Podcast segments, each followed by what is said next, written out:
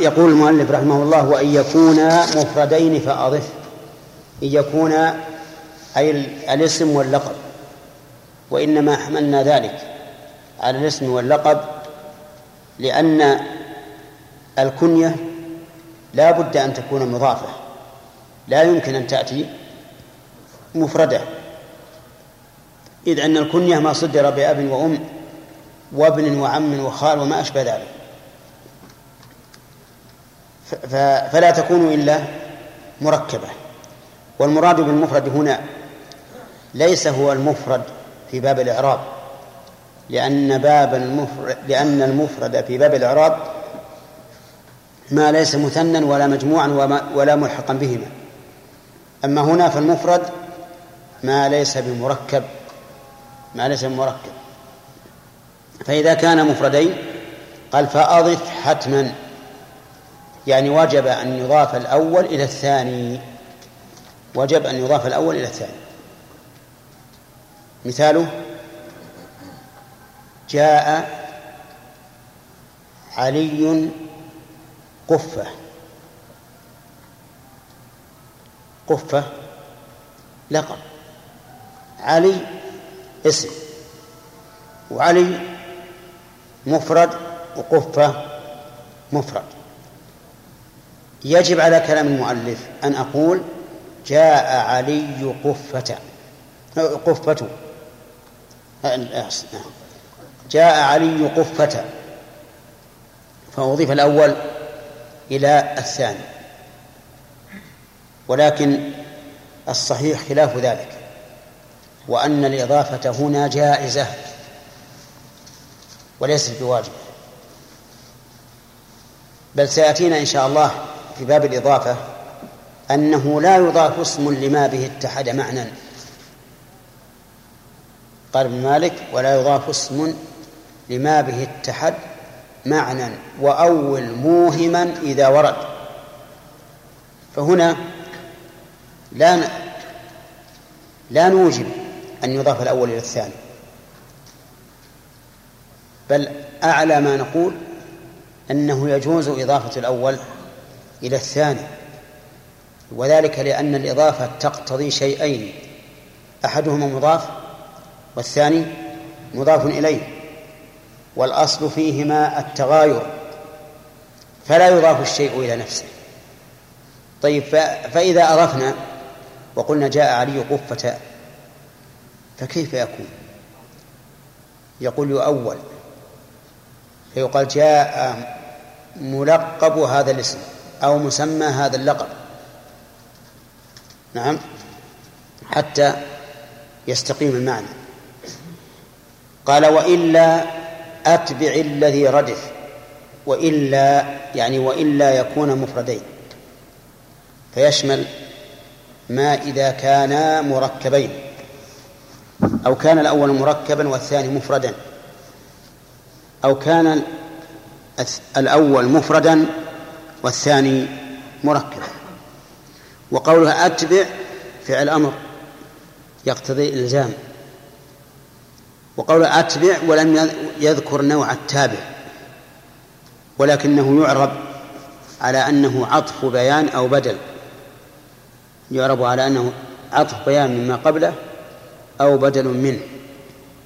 وقولها الذي ردف هو الأول أو الثاني؟ الثاني. يعني أتبع الثاني الأول. والصور الثلاث داخلة تحت قوله وإلا. لكن ينبغي أن تكون الصورة التي هي إفراد الأول وتركيب الثاني كالصورة التي يكون فيها الاثنان مفردين.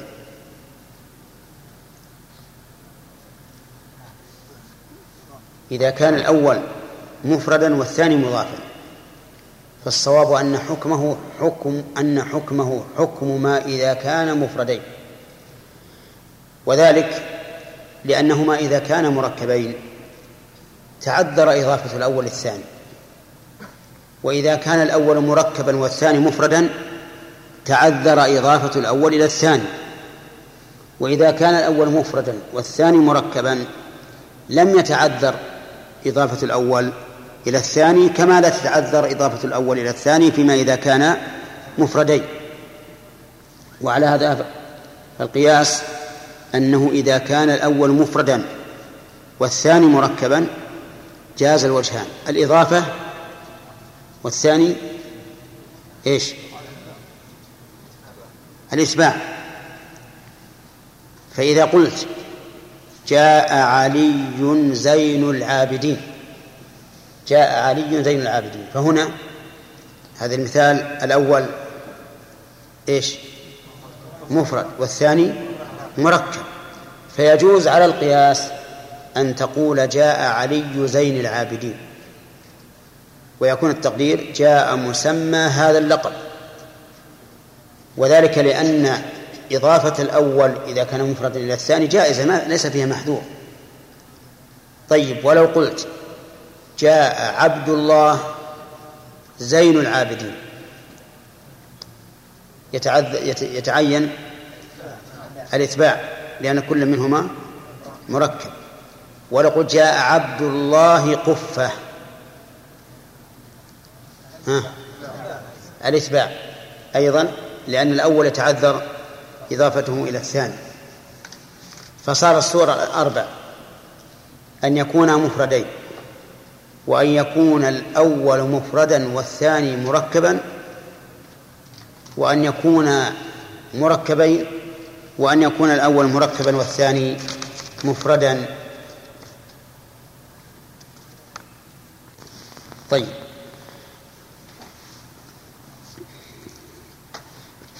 قال وإلا أتبع الذي رضي. ومنه أي من العلم منقول كفضل وأسد وذو ارتجال. يعني ومنه ذو ارتجال. لا نعم. كيف تقسيم كمل إيش؟ تقسيم إيش؟ نعم.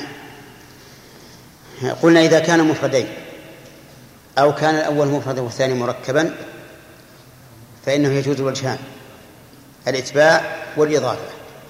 وإذا كان الأول مركبا والثاني مفردا أو كان مركبين وهنا يتعين الإتباع لتعذر الإضافة.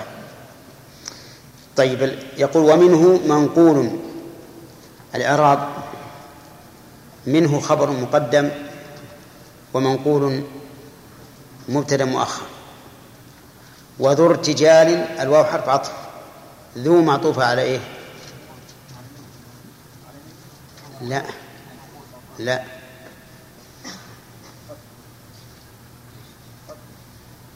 ها؟ على فضل؟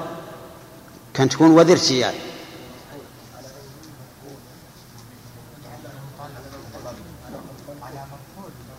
لا. ها؟ طيب مبتدا خبره محذوف. يتعين. لأن هذا قسيم للأول. فإذا كان قسيما له فإنه لا يصح عطفه عليه.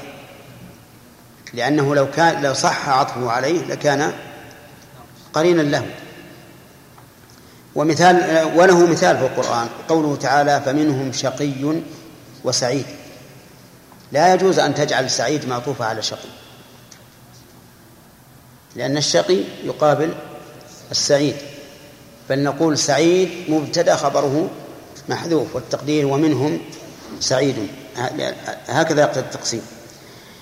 يعني ومنه ذو ارتجال. إذا ذو مبتدأ خبره محذوف والعطف هنا عطف جملة على جملة. كسعاد وأدد. أفادنا المؤلف هنا أن العلم ينقسم إلى قسمين. قسم منقول أي منقول من شيء سابق. كفضل أصل فضل مصدر. فضل يفضل فضلا. مثل الفضل ابن عباس. هذا منقول من المصدر. وأسد منقول من اسم جنس. الأسد حيوان مفترس المعروف. هذا هو الأصل. ويسمى به البشر.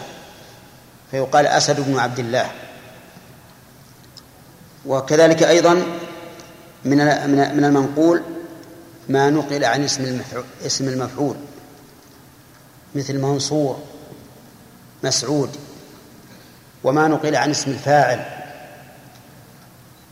مثل صالح حامد.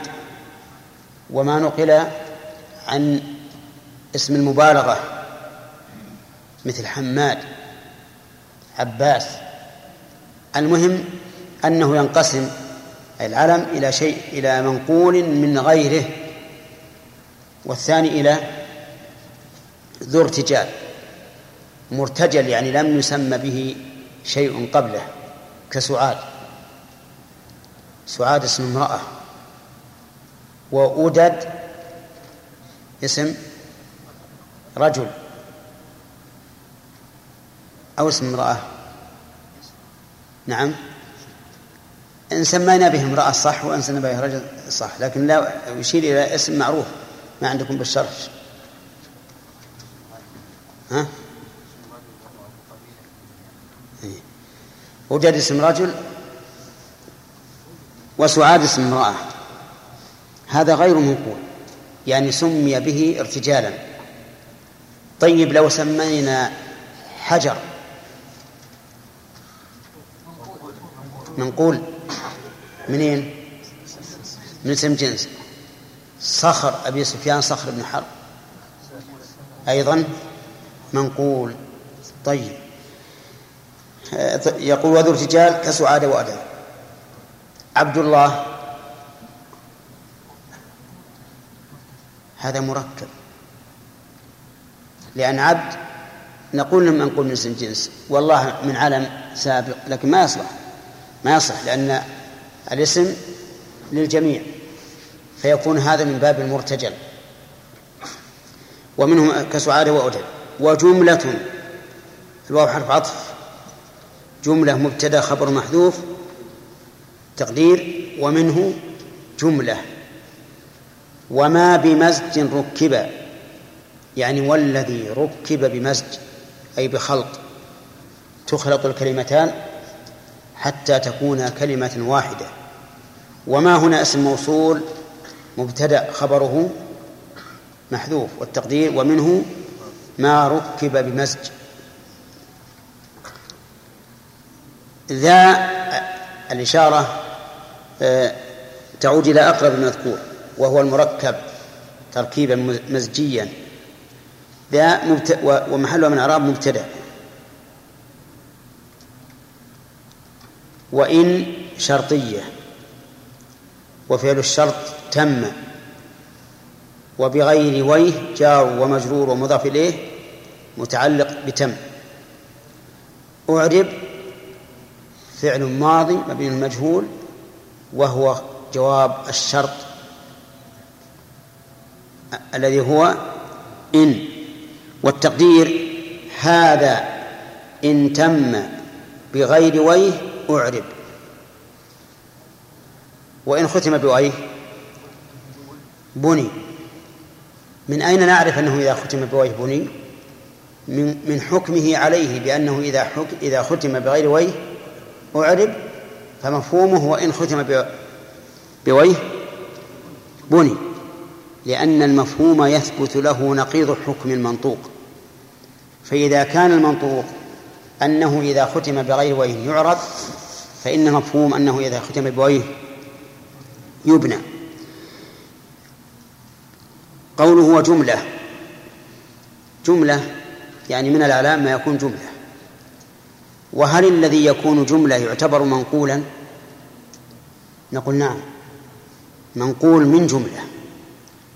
والجملة قد تكون فعلا وقد تكون نعم قد تكون جملة فعلية وقد تكون جملة اسمية. فمن الفعلية قولهم شاب قرناها. شاب قرناها؟ أي قرنا البقرة؟ نعم. أو الشاة نقول هذا علم. علم على رجل. يسمى شاب قرناها. طيب. ومنه أيضا إيش؟ تأبط شرا. تأبط شرا اسم رجل. فنقول قام تأبط شرا. وضربت تأبط شرا. ومررت بتأبط شر بتأبط شرا. قيل ومنه شمر اسم قبيلة. شمر. وأصل شمر شمر فعل فعل ماضي. وخالف بعضهم فقال شمر ليس من باب المركب بجملة لأنه لم يذكر فيها المسند إليه وهو الفاعل فلا يكون مركبا. وإنما المركب ما وجد فيه المسند والمسند إليه. الجملة الاسمية المركب من جملة اسمية مثل الشنفرا فري الشنفري يقال أصله الشنفري وكذلك لو سميت شخصا فقلت الثغر باسم. سميها الثغر باسم. جاء الثغر باسم ضربت الثغر باسم ضربت الثغر باسم. مررت بالثغر باسم. طيب المركب من جملة يبقى محكيا بالجملة يعني تبقى الجملة على ما هي عليه ويقدر الإعراب تقديرا على آخرها. فإذا قلت جاء شاب قرناه جاء شاب قرناه فإعرابه جاء فعل ماضي وشاب قرناها فاعل مرفوع بضمة مقدرة على على آخره منع من ظهورها إيش؟ الحكاية لأننا نحكي الجملة كما هي. ضربت الثغر باسم ضربت فعل وفاعل الثغر باسم مفعول به منصوب وعلامة نصبه فتحة مقدرة على آخره من عن ظهورها الحكاية. مررت بتأبط شرا. كفاك الله شرا. مررت فعل وفاعل والباء حرف جر. وتأبط شرا اسم مجرور. بكسرة مقدرة على آخره من ظهورها الحكاية. وهلم مجرة طيب. وجملة وما بمزج ركب يعني وما ركب تركيبا مزجيا مثل قولهم بعلبك اسم مكان وحضر موت اسم مكان أيضا ومعدي كرب اسم رجل. هذا المركب تركيبا مزجيا يعرب بالحركات على آخره. لكنه يعرب إعراب ما لا ينصرف. يعرب إعراب ما لا ينصرف. فتقول مثلا سكنت بعل بك وهذه بعل بك ومررت ببعل بك. كذا. طيب هذه بعل بك هذه مبتدأ وبعل بك. خبر المبتدأ مرفوع بضمة مقدرة على آخر بضمة ظاهرة في اخره وسكنت بعد بكة مفعول به منصوب بالفتحة الظاهرة. ومررت ببعل بكة مجرور بالباء وعلى مجره الفتحة نيابة عن الكسرة لأنه اسم لا ينصرف والمانع له من الصرف. التركيب المزجي إذن المركب تركيبا مزجيا يعرب إعراب الاسم الذي لا ينصرف فيعرب بحركات على آخره. إلا أنه يجر إيش؟ بالفتحة نيابة عن الكسرة. ذا يعني ذا أي مركب تركيبا مزجيا إن تم بغير وجه أعرب وعرفتم. فإن تم بوجه فإن المشهور عندهم أن يكون مبنيا على الكسر.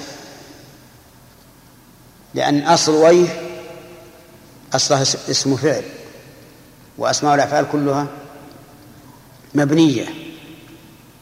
مثاله سيبويه سيبويه اسم مركب تركيبا مزجيا سيب ويه ومعنى سيب عندكم؟ إيش معنى؟ التفاح. ويه وي يعني ألم. يعني في وقت نداء الألم. ها. ضرب وبعد يقول وي. آه، ندبة يعني. طيب. سيبويه مبني على الكسر. فتقول هذا سيبويه وأكرمت سيبويه ومررت بسيبويه طيب. نعم. والله وتصلح التعجب كما قال الأخ ولا أدري معناها رائحة باللغة الفارسية رائحة التفاح. إي نعم. طيب. إذا ويه إذا ختم به الاسم فإنه يكون مبنيا على الكسر. خالويه اسم رجل. مركب من خال ومن ويه. نفطويه مركب من نفط وويه. وهو من علماء النحو. ويقال إن رجلا قرأ علم النحو وعجز عنه. فدعا عليه. قال لا لا بارك الله في النحو ولا أهله. إذ كان منسوبا إلى نفطويه. أحرقه الله بنصف بنصف اسمه. وجعل الباقي صراخا عليه أو عويلا عليه. ما هو نصف اسمه؟ نفط. والباقي ويه. نعم. يعني يتوجع نعم. كيف؟ طيب على كل حال التقسيمات اللي ذكر المؤلف. أولا قسم العالم إلى منقول ومرتجع والمنقول يكون من مصدر واسم جنس واسم مفعول واسم فاعل وصيغة مبالغة. ومنه المنقول من الفعل مثل إيش؟ شمر. مثل شمر ويزيد. طيب ومنه أيضا والقسم الثاني المرتجل الذي لم يسمى به قبل العلم مثل سعاد وأدد والظاهر مثل زينب ومريم وما أشبه ذلك. ثم قسمه تقسيما آخر إلى جملة وإلى مركب وإن شئت فقل إلى مركب تركيب جملة ومركب تركيب مزجي. والأول يسمى تركيب الإسناد والثاني يسمى تركيب المزج والجملة والمركب من جملة يكون من جملة اسمية ويكون من جملة فعلية. وكيفية إعرابها؟ أن تبقي الجملة على ما هي عليه محكية وتقدر علامات الإعراب عليها تقديرا. وتقول ما من ظهورها؟ الحكاية. أما التركيب المزجي فذكر أنه ينقسم إلى قسمين الأول ما ختم بويه والثاني ما لم يختم بها. فما ختم بويه فهو مبني على الكسر في جميع الحالات.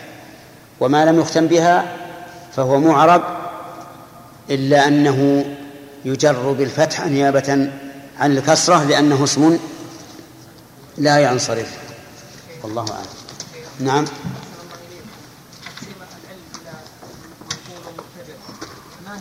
العلم. نعم. من حيث الإعراب لا فائدة. بالنسبة للمنقول ومرتجل وإنما الفائدة أن تعرف أنه منقول ومرتجل لكن بالنسبة للمنقول إذا نقل من اسم الفاعل فهو قد يكون فيه فائدة بالنسبة لأسماء الله وأسماء الرسول. وهو أنه دال على المعنى. دال على المعنى الذي اشتق منه. الفاعل إيه- اي نعم يكون دالا على المعنى المشتق منه. أو اسم المفعول السلام على نبينا محمد وعلى آله وأصحابه أجمعين.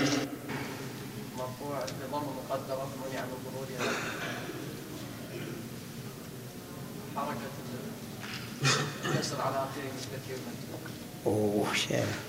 حربت لنا شيخ ليس فاعل سيبويه بلى. ما يرفع. يرفع لكن الفاعل دائما مرفوع. صحيح. نشوف أحد يعرفه. خالد؟ فاعل مبني على الكسر في محل رفع. سيبويه مبني على الكسر في محل رفع. واضح؟ طيب علمت ضم كسر مقدرة. لا يقال مبني على الكسر في محل رفع. كل المبنيات ما تتغير فتقول مبني على الكسر في محل رفع. يعني وهو كذلك ولهذا لا و... طيب إذا قلت أنا قائم نعم. أنا مهم مبتدأ مرفوعة. أنا قائم. طيب. مبتدأ والمبتدأ مرفوع ولا غير مرفوع؟ هنا. ما يقال مقدرة. يقال مبني على السكون. التقدير يكون في حروف العلة أو في المحكي. لكن المبني يقال مبني على كذا في محل كذا. كل ما جاءك مبني فاعمل له هذا فقط فقط في في روح ال- في في حروف العلة فقط الت- التقدير تقدير قد يكون في حروف العلة وقد يكون في الحكاية كما قلنا ما من ظهر الحكاية قبل قليل. المهم المبني لا المبني يبقى على ما هو عليه. ويقال مبني على كذا في محل كذا. عرفت الآن؟ طيب. قلدت سيبويها. إي نعم. خطأ؟ مين مفعول به؟ والمفعول به طيب أنا أنا ما ما ما قلت إلا هذا. قلدت سيبويها.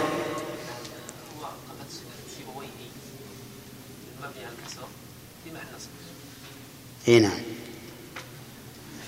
أفهمتم؟ المبني لا يتغير. يقال مبني على كذا في محل رفع إن كان فاعل أو مبتدأ. يعني إن كان مرفوعا. ومبني على الكسر في محل نصب إن كان منصوبا. مبني على الكسر في محل جر. اعرب. نظرت إلى كتاب سيبويه. أي نظرت. نظرت. نعم. نظر في بعض يعني السكون الصغير غير مرتبط بالتحريك مبني على الضم في محل شيء التاء نعم ضمير متصل مبني على الضم في محل فاعل نعم حرف جر تابع اسم مجرور مضاف وسيبويه مجرور بإيش؟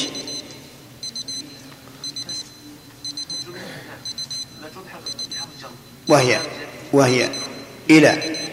الله نعم.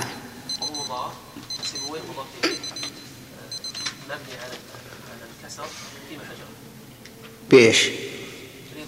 بالإضافة. صح. انتهينا. فصار الآن ال- المركب وتركيبا مزجيا له حالان. الحالة الأولى أن يختم بويه فيبنى على إيش يا خالد؟ والحالة الثانية أن لا يختم بويه فيعرب إعراب ما لا ينصرف. هذا هو المشهور عند النحويين والمسألة فيها خلاف لكن هذا هو المشهور.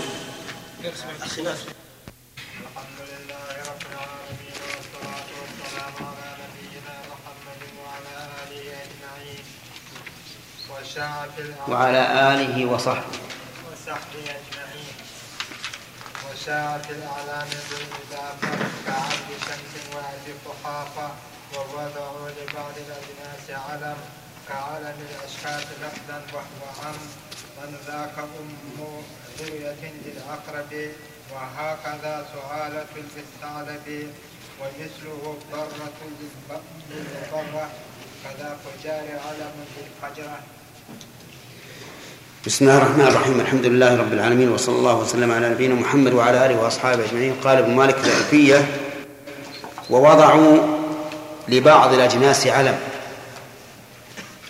وضعوا كيف وشاع طيب وشاع في الأعلام ذو الإضافة شاع بمعنى كثر في الأعلام جمع علم ذو الإضافة أي صاحب الإضافة وهو المركب الإضافي كعبد شمس وأبي قحافة. وهذا الذي قاله المؤلف رحمه الله واضح لكل أحد ولا يحتاج إلى بيان.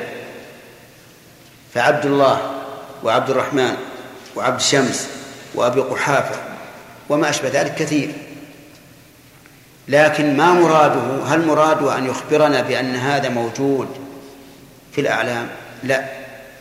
مراده أن يبين أن العلم ذا الإضافة يكون إعرابه على الجزء الأول بحسب العوامل. وإعرابه على الجزء الثاني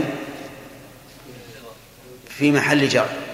يجر بالإضافة إن كان معربا ويجر ويبنى على الكسر إن كان مبنيا. هذا مراد المؤلف رحمه الله. وقولك كعبد شمس. من عبد الشمس هذا؟ ابن من؟ لا. ابن مناف. لأن له أربعة أولاد. هاشم والمطلب ونوفل وعبد شمس هؤلاء الأربعة أخوة. لكن بنو هاشم وبنو المطلب متناصرون فيما بينهم. ولهذا انضم بنو المطلب إلى بني الهاشم حين حاصرت قريش بني هاشم في الشام حين دعوة الرسول عليه الصلاة والسلام.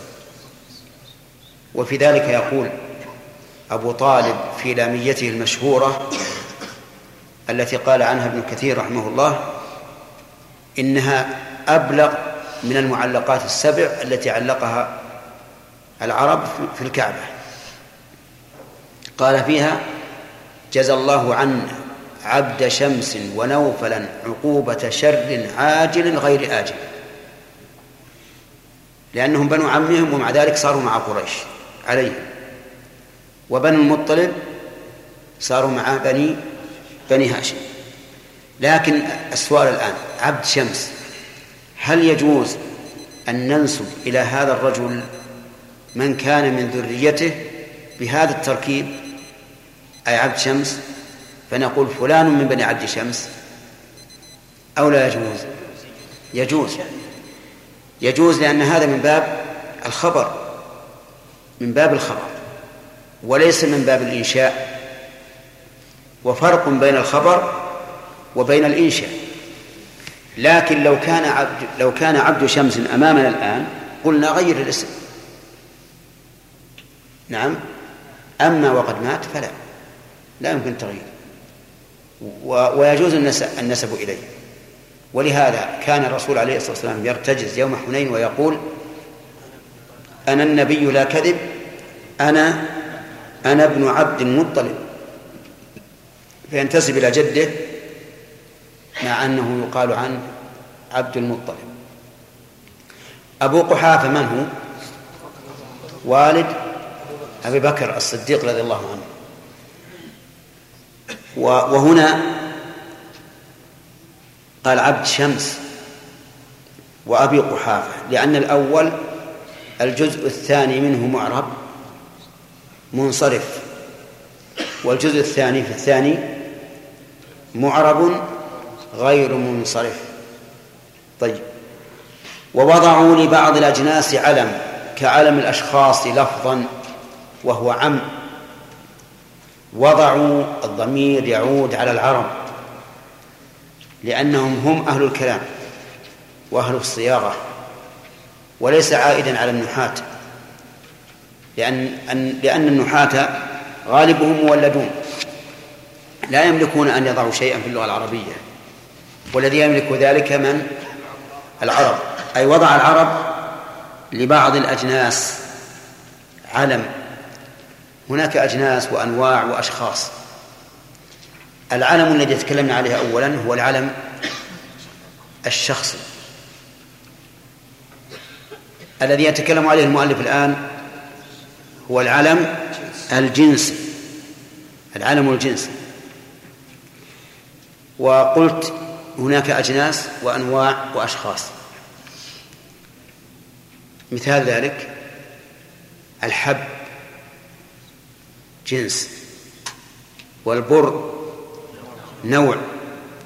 وهذا الإناء فيه البر أقول هذا البر هذا شخص معين بذاته. يقول وضعوا وضعوا لبعض الأجناس علم. أصلها علما. لكن حذفت الألف إما على لغة ربيعة الذين يقفون على المنصوب بدون ألف وإما لضرورة الشعر. لكنه يقول آه نعم علم كعلم الأشخاص لفظا وهو عم كعالم الأشخاص في اللفظ. يعني في الأحكام اللفظية يعطى حكم العلم الشخص. لكن في المعنى يعم. آه، نعم يقول ما هي الأحكام اللفظية التي ترتب على هذا؟ كل ما يؤثر فيه العالم الشخصي فهو يؤثر فيه العلم الجنسي من ذلك أن من موانع الصرف العالمية والتأنيث اللفظي. قتادة. قتادة. ممنوع من الصرف. لماذا؟ العالمية والتأنيث. إذا جاءنا علم جنس فيه تاء التأنيث فإننا نمنعه من الصرف لأن حكمه الحكم الحكم اللفظي كعالم الشخص وكذلك يصح مجيء الحال منه أي من علم الجنس كما يصح من علم الشخص. كذلك يجوز الابتداء به كما يجوز الابتداء بعلم الشخص. المهم جميع الأحكام اللفظية التي تثبت لعالم الشخص تثبت لعالم الجنس. لكنه في المعنى ليس كعالم الشخص. لأن علم الشخص يعين شخصا بعينه أما علم الجنس فهو عم ولذا قال وهو عم. عم أصلها أعم أصلها أعم. لكن حذفت الألف للتخفيف كخير وشر. أصلها إيش؟ أخير وأشر. فعم هنا اسم تفضيل. حذفت منها الهمزة فصارت عم. ويجوز أن تكون عم هنا فعلا ماضيا. يعني ليست اسما تفضيلا ليست اسم تفضيل. أي وهو عم الأفراد. بخلاف إيش؟ العلم الشخصي. إذن العالم الشخصي له حكمان لفظي ومعنوي. اللفظي ما أشرنا إليه أولا من الأحكام المتعلقة باللفظ كعدم الانصراف وجواز الابتداء به ومجيء الحال منه وما أشبه ذلك. المعنوي أنه يدل على شيء معين اسم يعين المسمى مطلقا علما العلم الجنسي له حكمان حكم لفظي كإيش؟ كحكم عالم الشخص تماما. معنوي كالنكرة. هو في المعنى كالنكرة لأنه يعم جميع الأفراد. يعم جميع الأفراد. لا يختص بفرد واحد. وحينئذ نقول في قول يجوز فيها وجهان. أن تكون اسم تفضيل حذفت منه الهمزة للتخفيف. وهو والتقدير وهو أعم يعني أعم علم الشخص. لأنه يشمل جميع الأفراد وعلم الشخص لا يشمل إلا واحد. أو نقول عم فعل ماض أي وهو عم جميع أفراده بخلاف علم الشخص. قال وهو عم. إذن حكمه من حيث المعنى حكم. لا من حيث المعنى حكمه حكم النكر. يعم جميع الأفراد. من حيث اللفظ حكم علم الشخص. ثم قال من ذاك أي من علم الشخص أم عريط للعقرب العقرب معروفة. كلمة عقرب اسم جنس. لكن أم عريط هذه علم جنس ما هي اسم جنس. فإذا قلت لدغتني عقرب فهذا إيش؟ اسم جنس. وإذا قلت وإذا سألك سائل وجدك تتلوى قال ما شأنك؟ ما ما الذي أصاب؟ قال حسبي الله عليها. أم عريض. هذا إيش؟ هذا علم جنس. علم جنس. طيب أم عريض أي أي, أي العقارب؟ نقول هذا علم على الجنس عموما. علم على الجنس عموما. يعني كأننا تخيلنا أن الجنس شيء قائم وضعنا له؟ علم هو أم عريض لكن النكرة أو اسم الجنس عقرب. ما نتخيل أن هناك مجموعة أو الجنس كله سميناه بهذا الاسم. لا عقرب يعني واحدة من العقارب. هذا هو الفرق بين علم الجنس وبين اسم الجنس. وبين اسم الجنس. طيب وهكذا ثعالة للثعلب الثعلب حيوان معروف. معروف بماذا؟ بالمكر والخداع والروغان. يروغ. تأتي لحقته أنت أشد ما تكون في في الجري. فإذا به إذا أدركته انحرف بسرعة وإذا هو وراءك بمسافة بعيدة. يروخ. يسمى جنسا ثعالة. ثعالة علم على جنس الثعالب كأن هذا الجنس شيء متشخص وضعنا له علما هو ثعالة.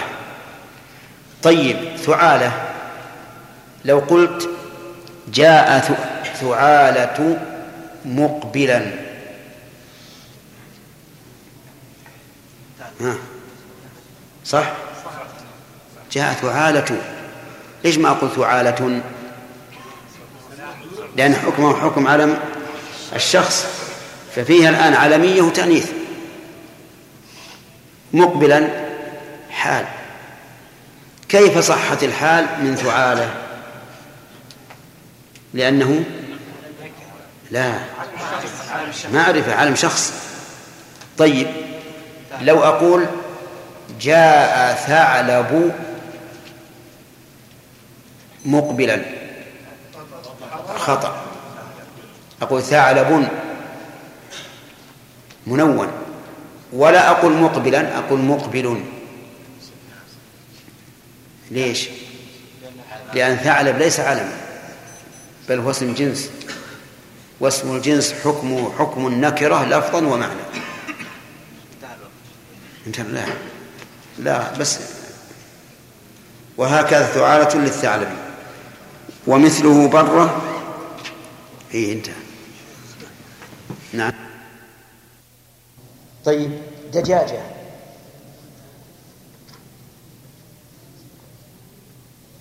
في عالم جنس دجاجة؟ نعم.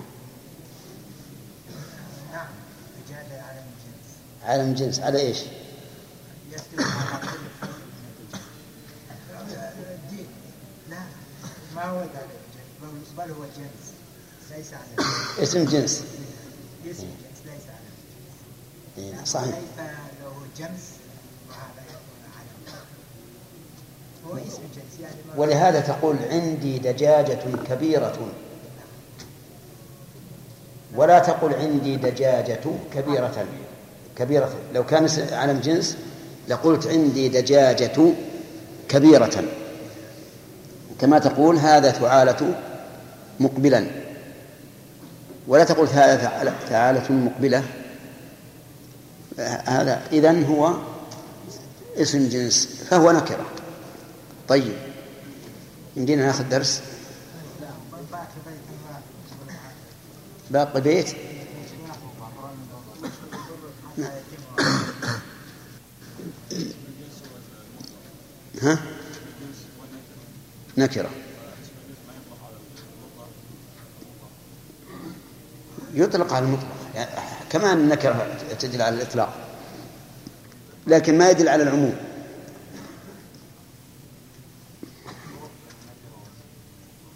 نعم. النكرة والمطلق هي النكرة من المطلق. النكرة من المطلق. ويكون مطلق في الفعل مثلا إذا قلت قام زيد. هذا مطلق. وليس وليس بنكرة. ومثل تقول مسح النبي صلى الله عليه وسلم على خفيه. هذا مطلق. ومثل تقول سافر فقصر. هذا مطلق. لكن يؤخذ العموم من جهة ثانية. طيب نأخذ الب- البيت الباقي. قال المؤلف ومثله. نعم ومثله برة للمبرة كذا فجاري علم للفجرة. علم الجنس السابق علم جنس لل- لل- للمحسوس. للمحسوس كالحيوان مثلا. وهذا الذي ذكر الأخير وهكذا بر ومثله برة علم جنس للمعقول للمعاني. المعاني المبرة مصدر ميمي مصدر ميمي وهي مطلقة. يعني كلمة مطلقة نكرة. لكن وضعوا لهذا المعنى وضعوا علما سموه برة. تقول مثلا شملتني برة زيد واسعة. شملتني برة زيد واسعة. لماذا قلنا برة زيد واسعة؟ لأن برة علم على جنس المعنى على هذا الجنس من المعنى ولهذا جاء منها جاءت من الحال. أو هذه برة رجل واسعة. فالمهم أن الأعلام علم الجنس يكون للمحسوسات ذات الأجسام ويكون أيضا للمعقولات ذات المعاني. وكذلك أيضا فجار. علم للفجرة. فجاري. علم للفجرة. مهل الفجرة. لأن الفجرة جمع فاجر. مثل كملة جمع كامل. لكن للفجرة التي هي المعنى يعني الفجور وضعوا لهذا فجار. علم كأن المعنى شيء قائم وضعنا له اسم فجار.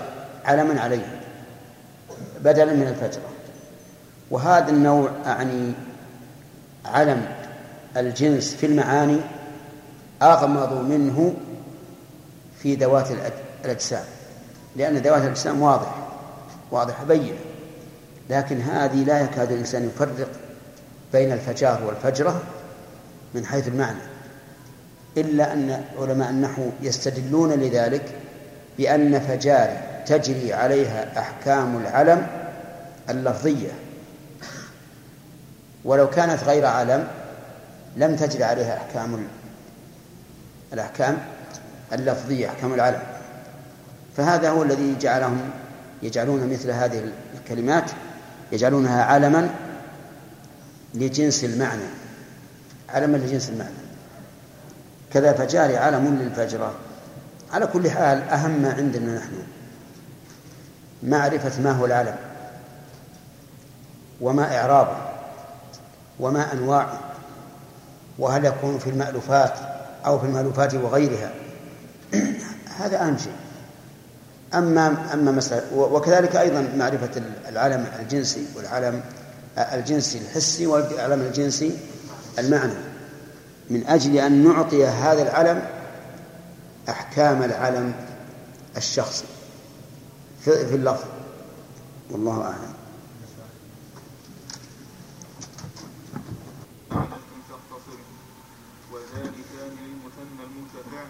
وفي سواه زين كيل ترتفع وبأولي الأشر جمع مطلقا. وشلون؟ وبأولي وبأولى. وبأولى أشر جمع مطلقا. والمد أولى ولدى البعد انقطاع. بالكاف حرفا دون لام أو معه واللام إن قدمتها ممتنعة وبهنا أو ها هنا أشر إلى. دان المكان وبه الكاف صلا. في البعد أو بثم كه ثم أو بثم. في البعد أو بثم كه أو هن. أو هنا في البعد أو بثم كه أو هن. أو بهنالك أو بهنالك انطقن أو انتقن. أو بهنالك انطقن أو انتقن. انتقن. أو نعم. بهنالك هن. أو هن. بسم الله الرحمن الرحيم. قال المؤلف مالك رحمه الله في كتاب الألفية الخلاصة وهي خلاصة النحو في الواقع وينبغي لكل طالب علم للنحو أن يحفظ هذه المنظومة لأنها جامعة. قال اسم الإشارة اسم الإشارة هو أحد أنواع المعارف لأن المعارف خمسة الضمير والعلم والإشارة واسم الموصول والمحلى بأل والسادس دائر. وهو ما أضيف إلى واحد من هذه الأنواع الخمسة. اسم الإشارة يكون في المرتبة الثالثة في التعريف لأن أعرف المعارف هو الضمير إلا اسم الله فهو أعرف المعارف ويليه العلم ويليه اسم الإشارة. اسم الإشارة هو ما دل على مشار إليه. والمشار إليه هو المعين عن طريق الإشارة العلم يعين مسماه عن طريق التسمية وهذا عن طريق الإشارة أقول لك هذه النجفة الآن عينت هذه بماذا؟ بالإشارة فصارت الآن النجفة اللي فوق رأس الآن صارت معرفة لأن. لأنني عينتها بالإشارة وهي دون العلم ودون الضمير. ثم إن اسم الإشارة يختلف باختلاف المشار إليه.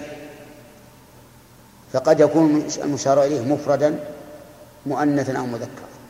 وقد يكون مثنى مؤنثا أو مذكرا. وقد يكون جمعا مؤنثا أو مذكرا. فالأقسام ستة.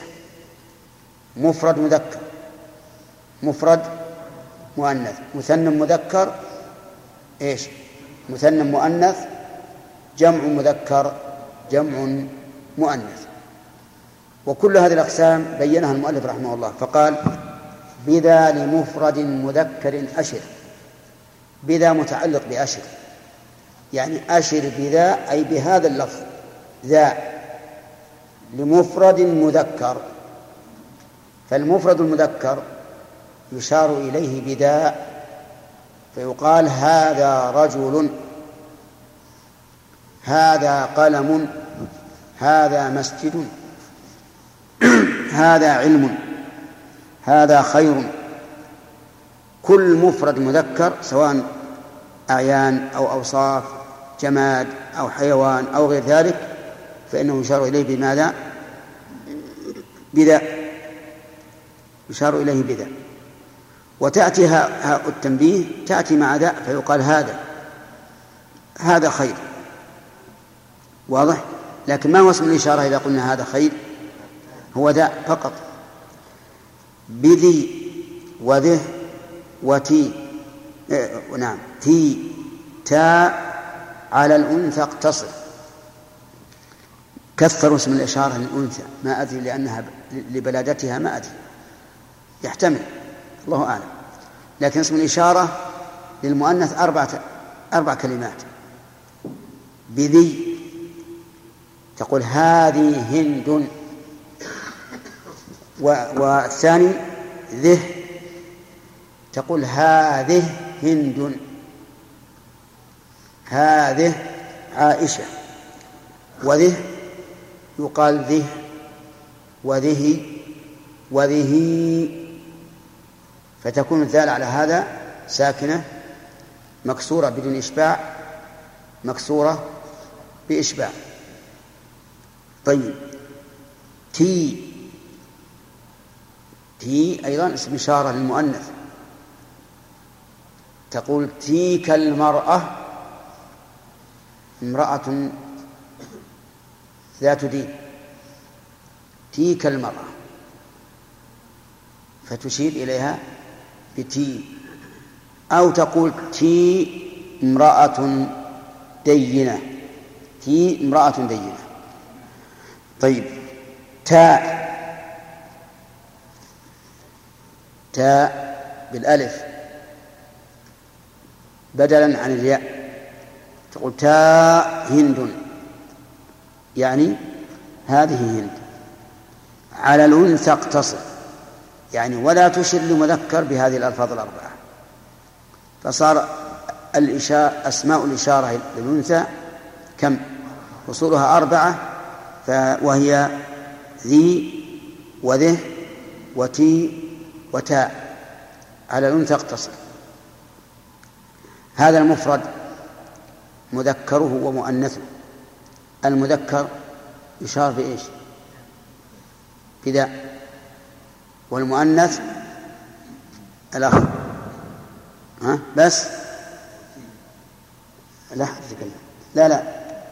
نعم. ذي. وتي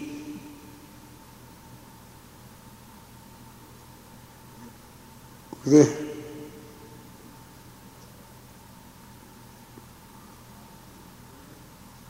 نعم. وتاء بالألف. هذه أربع كلمات يشار بها للمؤنث. وأكثرها الاستعمال أكثرها استعمالا ذه وتي. ما أكثر تلك آيات تلك الرسل. هذه امرأة وما أشبه المثنى من مذكر ومؤنث قال وذان تاني للمثنى المرتفع لكن ذاني للمؤنث وت... آه للمذكر وتاني للمؤنث المثنى المذكر يشار إليه في حال الرفع بذاني وفي سواه ذين. في سواه أي سوى المرتفع وهو المنصوب والمجرور. يقال فيه ذين وتين ذين. مثاله تقول هذان رجلان وتقول إن هذين الرجلين وتقول مررت بهذين الرجلين الأولى هذان رجلان مرفوعة والثانية إن هذين الرجلين منصوبة والثالثة مجرورة لكن مع ذلك لا تقل مرفوعة ومنصوبة ومجرورة. قل مبنية في محل رفع مبنية في محل جر مبنية في محل نصب. وعلى أي شيء تبنى؟ قالوا تبنى على الألف في حال الرفع وتبنى على الياء في حال النصب والجر. فتقول في إعراب هذان قائمان تقول هذا التنبيه وذاني مبتدأ مبني على الألف في محل رفع. والنون تشبه عوض التنوين عن في تشبه النون الواقعة عوضا عن التنوين عن التنوين في الاسم المفرد. ولا تقل هنا إنها عوض عن التنوين في الاسم المفرد لأن الاسم المفرد من اسم الإشارة ليس ليس ينون وتقول في ذين في ذين اسم إشارة مبني على الياء في محل نصب إن كان منصوبا أو في محل جر إن كان مجرورا. أما الأنثى فيقول تاني. كيف تاني؟ إيش هذا تاني. تقول هاتان امرأتان. وتقول إن هاتين المرأتين. نعم. وتقول مررت بهاتين المرأتين. مبنية على الياء في محل جر. والخلاصة الآن المثنى له في حال الرفع إيش؟ المثنى له في حال الرفع هما ذاني للمذكر وثاني للمؤنث. وللمنصوب والمجرور أيضا لفظان ذين للمذكر وتين للمؤنث. وبأولى أشر لجمع مطلقا. أولى أشر بها لجمع مطلقا. معنى الإطلاق هنا؟ يعني للمذكر والمؤنث. يشار للمذكر الجمع بأولى وللمؤنث الجمع بأولى أيضا. انتبه. فصار أولى للجمع المذكر والمؤنث. قال والمد أولى. المد أولى من القصر. أفادنا أن أن أولى فيها لغتان أولئي وأولى. عرفت؟ أولئي أولى من من أولى. فتقول مثلا هؤلاء قوم صالحون هؤلاء قوم صالحون هذه ممدودة ولا مقصورة؟ مقصورة. وتقول هؤلاء قوم مسلمون. هذه ممدودة. المقصورة مبنية على السكون. والمقصورة والممدودة مبنية على الكسر. قال الله تبارك وتعالى وإذا رأوهم قالوا إن هؤلاء لضالون إن هؤلاء لضالون. فهنا ممدودة أو مكسورة؟ ممدودة ليست مقصورة ولم تأتي في القرآن إلا ممدودة لأن القرآن أتى باللغة الفصحى. طيب. وبأولى أشر لجمع مطلقة والمد أولى. وبها وبهذا نعرف أن أسماء الإشارة تكون للمفرد المذكر وللمفرد المؤنث وللمثنى المذكر وللمثنى المؤنث والخامس الجمع. الجمع ليس له إلا لفظة واحدة وفيها لغتان. وهي أولى. واللغتان القصر والمد. والمد أولى قال ولد البعد انطقا بالكاف. لدى البعد يعني عند البعد. أي بعد هو؟ يعني بعد المشار إليه. سواء كان بعده حسيا أو بعده معنويا. فإنه يؤتى بالكاف. فتقول ذلك, ذلك الكتاب. ذلك الرجل. وقول حرفا يبين أن الكاف هنا ليست ضميرا ولكنها حرف. فإذا قلت ذاك الرجل بعيد. تقول ذا اسم إشارة مبني على السكون في محل رفع والكاف حرف خطاب. ولا تقل ذا اسم ذا مضاف والكاف مضاف إليه لا. الكاف هنا يقول مؤلف إنها حرف والحرف ليس له محل من الإعراب. دون لام أو معه يعني يؤتى بالكاف بدون لام. أو معه أي معه اللام. فتقول ذاك رجل هذا بدون لام. وتقول ذلك رجل. نعم.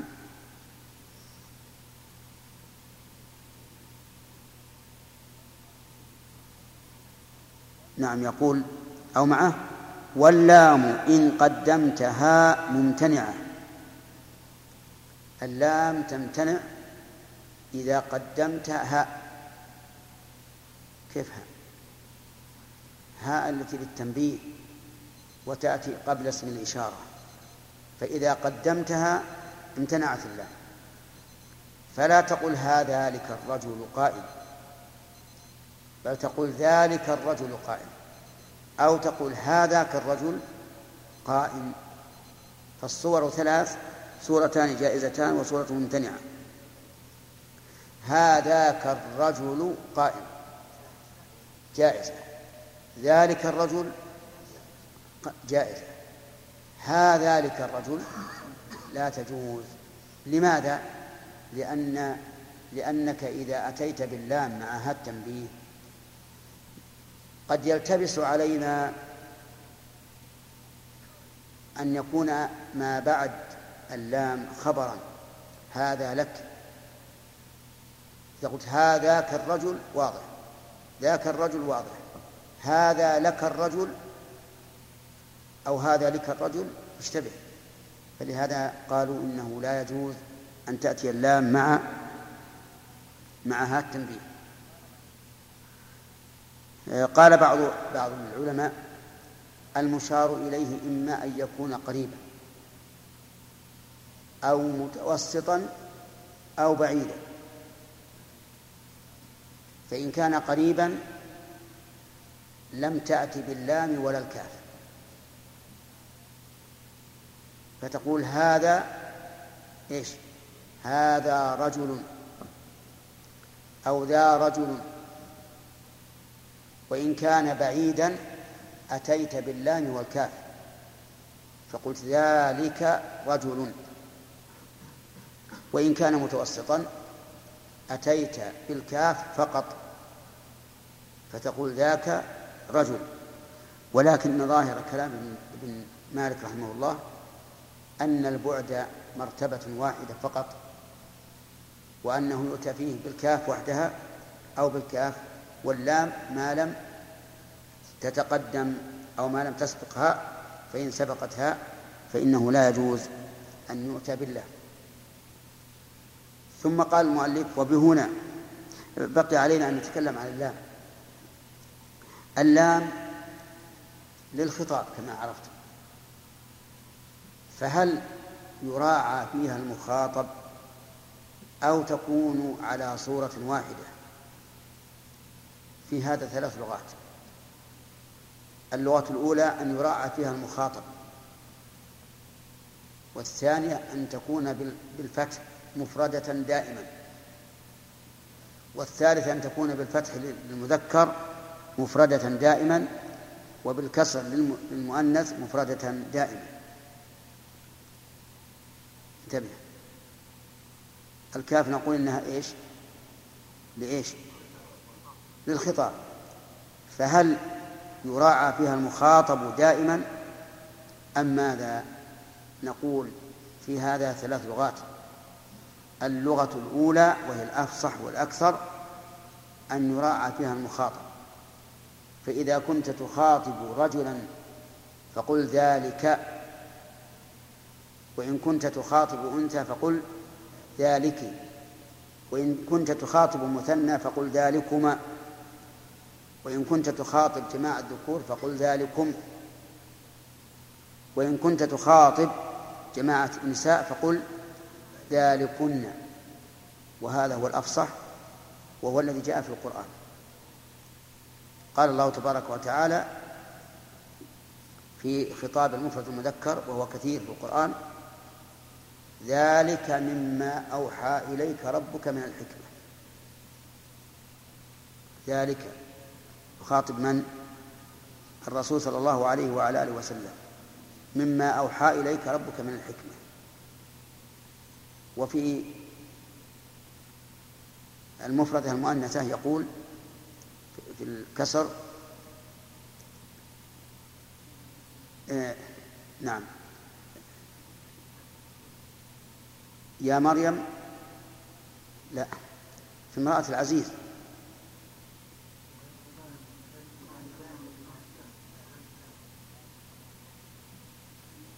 قالوا كذلك. قصة مريم.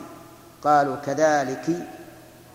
قال ربك. في قصة امرأة إبراهيم. قالوا كذلك. قال ربك إنه هو الحكيم العليم. وفي قصة مريم قالوا كذلك. قال ربك. وعليه وعليه هين طيب. في المثنى ذلكما مما علمني ربي. في جميع في جمع المذكر فذلكم الله ربكم الحق. في جمع المؤنث فذلكن الذي لمتنني فيه. وهذا هو الأفصح. واللغة الثانية أن تكون مفردة مفتوحة لجميع المذكر سواء كان واحدا أو اثنين أو جماعة. فتقول ذلك الرجل تخاطب واحدا وتقول ذلك الرجل تخاطب جماعة وتقول ذلك الرجل تخاطب اثنين. وفي المثنى وفي المؤنث بالكسر دائما سواء كان المخاطب واحدة أو اثنتين أو أكثر. واللغة الثالثة أنها بالإفراد والفتح دائما. نعم. فهذه ثلاث لغات. وبناء على ذلك آه، في الدرس القادم إن شاء الله سنأخذ تمارين فيما إذا اختلف المشار إليه والمخاطب. لأن كثيرا من الطلبة لا لا لا يعرف لا يعرف أن يتخلص من ذلك. والله أعلم. أسماء الإشارة وما وضعت له. فما, فما الذي وضع للمفرد المذكر؟ إذا هات مثال. نعم. يحتاج أن نأتي بهذا بالهاء؟ نعم. وما الذي وضع للمفردة المؤنثة؟ أربعة ألفاظ.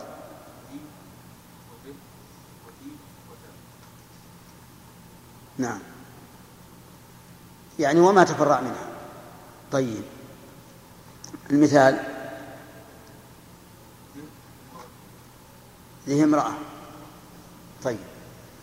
وما الذي وضع للمثنى المذكر؟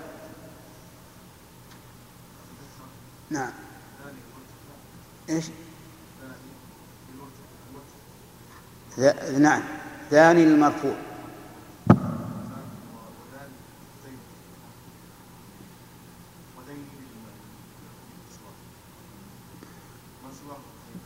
ما الذي سواه؟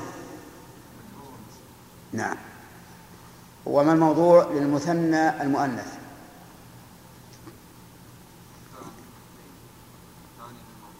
نعم.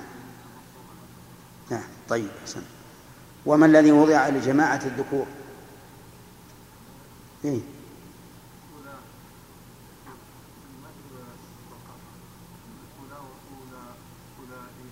أولئك وأولى لجماعة الذكور.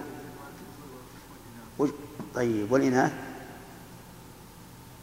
ما هو الشاهد من كلام ابن مالك على أنها للذكور والإناث؟ اقرأ البيت اقرأ البيت. لا لا تنظر له.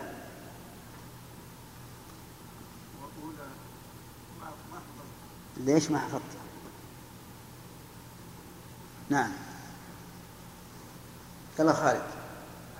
هي أنت. إيش؟ لقوله وبأولى عشر لجمع مطلقة وهذا يشمل جماعة الذكور وجماعة الإناث. زين. النوشان ما معنى قول ابن مالك والمد أولى؟ ما حضرت. طيب. محمد.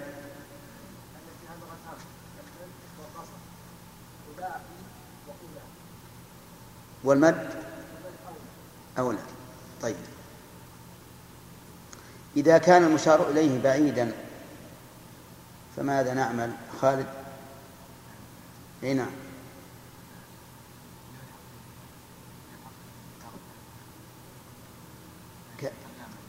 تلحق به الكاف. ها؟ دون الكاف. يعني فتقول ذالي رجل.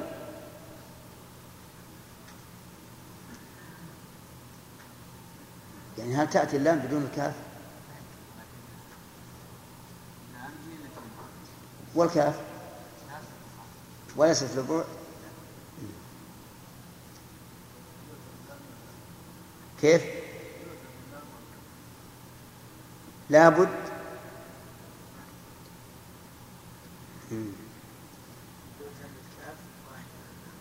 نعم. المؤلف ماذا يقول المؤلف؟ ولد البعد؟ حرف. دون لام أو معه طيب.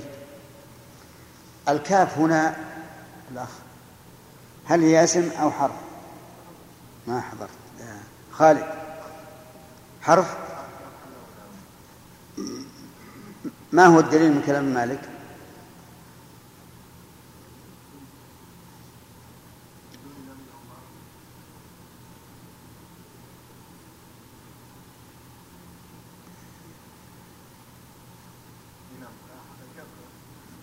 يلا كاف الحق كيف؟ لا يا أنا أريد من كلام ابن مالك. إيه نعم.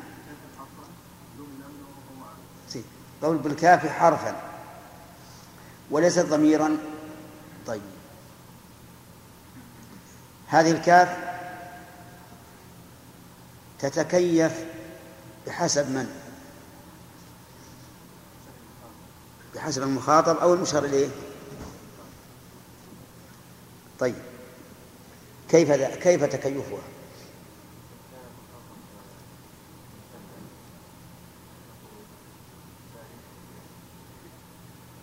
إن كان مثنى مذكر أو مؤنث يؤتى بها بصيغة المثنى. كذا؟ طيب. كم؟ إن كان إيش؟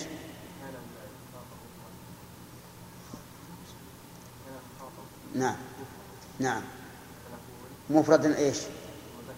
مذكرا فيؤتى بالكاف مفردة مفتوحة. طيب.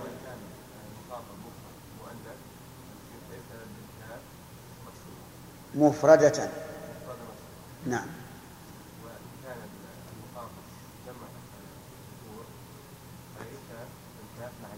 نعم.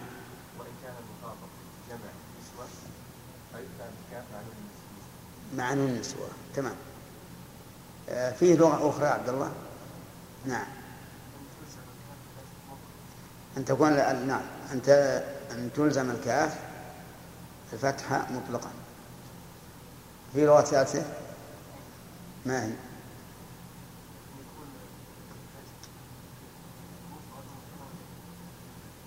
إيش؟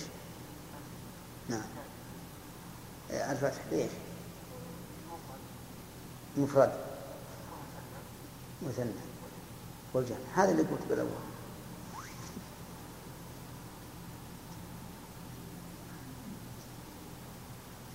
وأنت قلت مفتوحة مع مذكر مقدم نعم لكن مفردة ومكسورة نعم أحسنت تمام طيب آه أي هذه الأوجه أفصح؟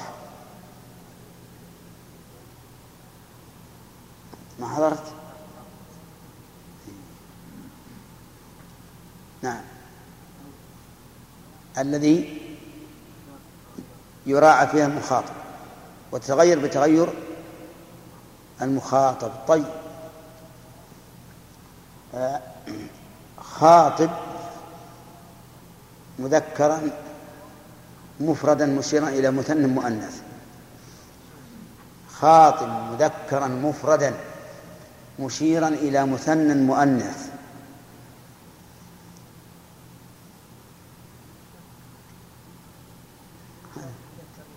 م... إيه؟ مشير إلى مثنى مؤنث.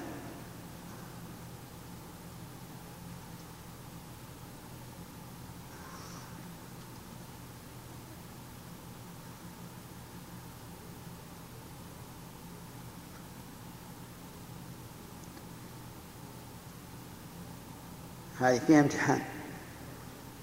نعم.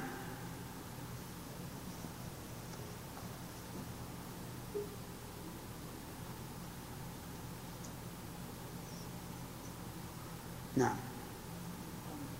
إيش؟ خطأ. نعم. إيش؟ خطأ.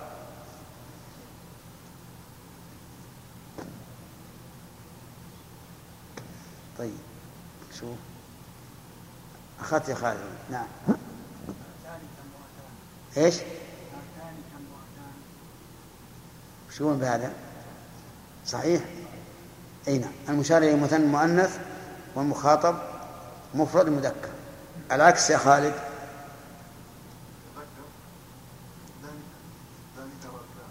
العكس المشار إلى مثنى مؤنث والمخاطب مفرد مذكر نريد العكس.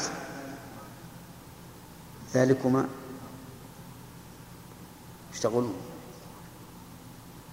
ما هذه مخاطب ذكور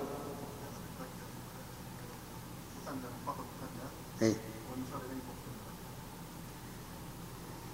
طيب المثنى يستوي فيه المذكر والمؤنث توافقونه طيب زين. أشر إلى جماعة إناث مخاطبا جماعة إناث. يلا أحمد.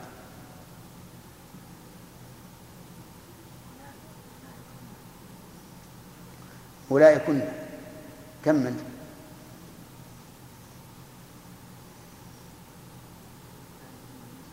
نعم. إيش؟ قائمات. طيب. صحيح؟ أشر إلى جماعة إناث مخاطبا جماعة ذكور أولئكم. صحيح؟ أولئك لجماعة الإناث والكاف والميم لجماعة الذكور. طيب.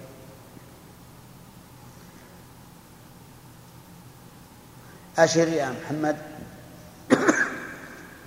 إلى أشر إلى اثنين مخاطبا واحدا.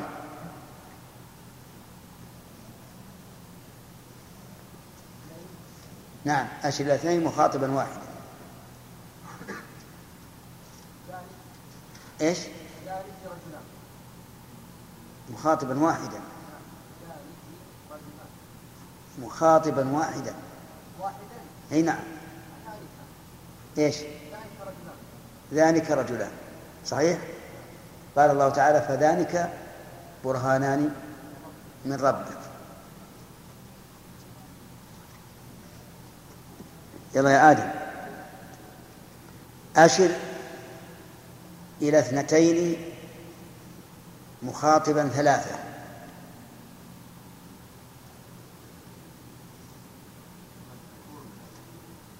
نعم. ما دام قلت ثلاثة يعني ذكور. لو كان يقول ثلاثا.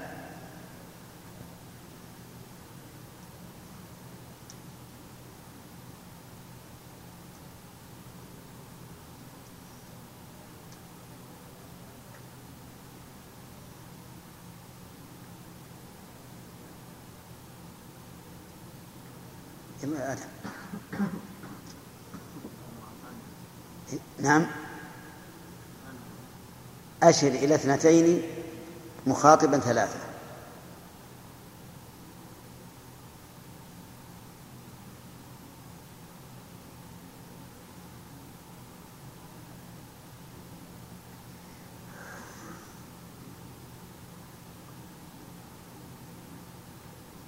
نعم. معناش لقب عبد الرحمن اسمك؟ عبد الرحمن اسمك؟ ها؟ آه. إيش؟ رمضان. أشر إلى اثنتين مخاطبا ثلاثة.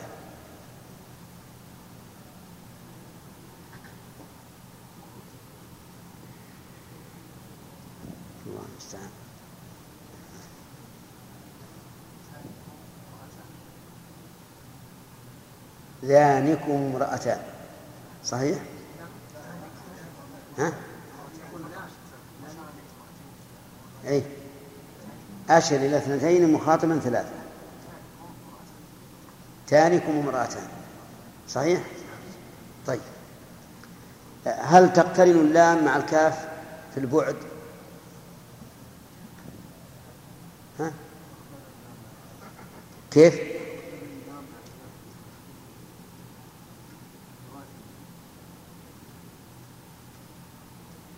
تقترن مع البعد طيب وهل البعد مع اقتران اللام مع الكاف وانفصالها عنها أو لا؟ يستوي. وفي قول ثاني؟ طيب. طيب.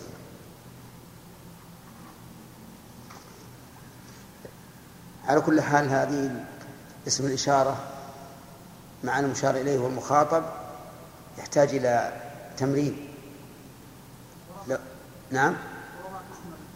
كيف؟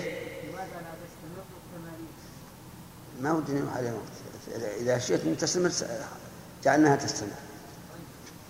نعم. كيف؟ يلا. ما يخالف. إذن يلا محمد.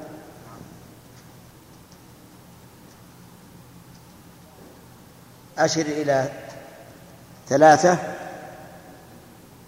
مخاطبا ثلاثا أشر إلى ثلاثة مخاطبا ثلاثا كيف؟ خطأ إيش؟ خطأ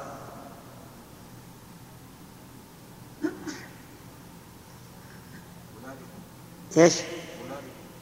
أولئكم خطأ. لا تبتلع تمشي على شوي شوي. نعم. إيش؟ خطأ. عمر؟ ما تقولون؟ أولئكن. صحيح؟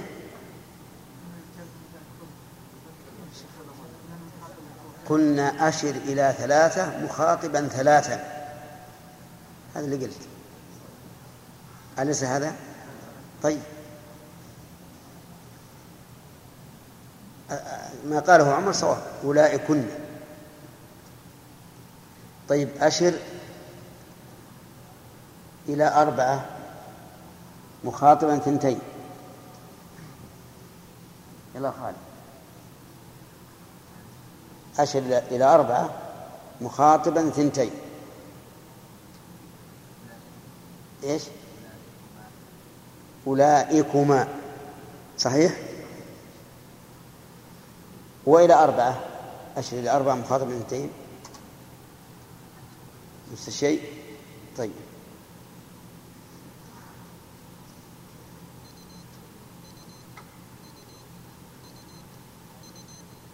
لا إله إلا الله. اشر إلى اثنين مخاطبا ثنتين. عقيل إلى اثنين مخاطبا ثنتين. إيش؟ ذانكما. والعكس. أشر إلى اثنتين مخاطبا اثنين. إيش؟ ذانكما. تانكما صحيح؟ اي نعم.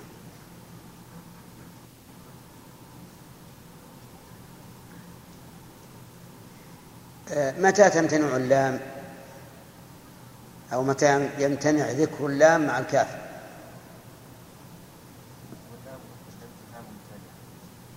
اي نعم. إذا تقدمت الهاء امتنعت اللام لأنها حينئذ تشتبه بأن تكون اللام جارة خصوصا إذا لم تشكل. وقالوا أيضا لكثرة الزوائد لأنه إذا إذا جاءت اللام والكاف وهاء التنبيه صار من جناتها الزوائد ولكثرتها حذفوها ونحن نرى أن مثل هذه التعليلات التي يعلل بها علماء النحو بعضها يكون واضحا وبعضها لا يكون واضحا. ويكتفى بأن يقال هكذا نطقت العرب. نكمل الظاهر. قال وبهنا أو ها هنا أشر إلى دام المكان.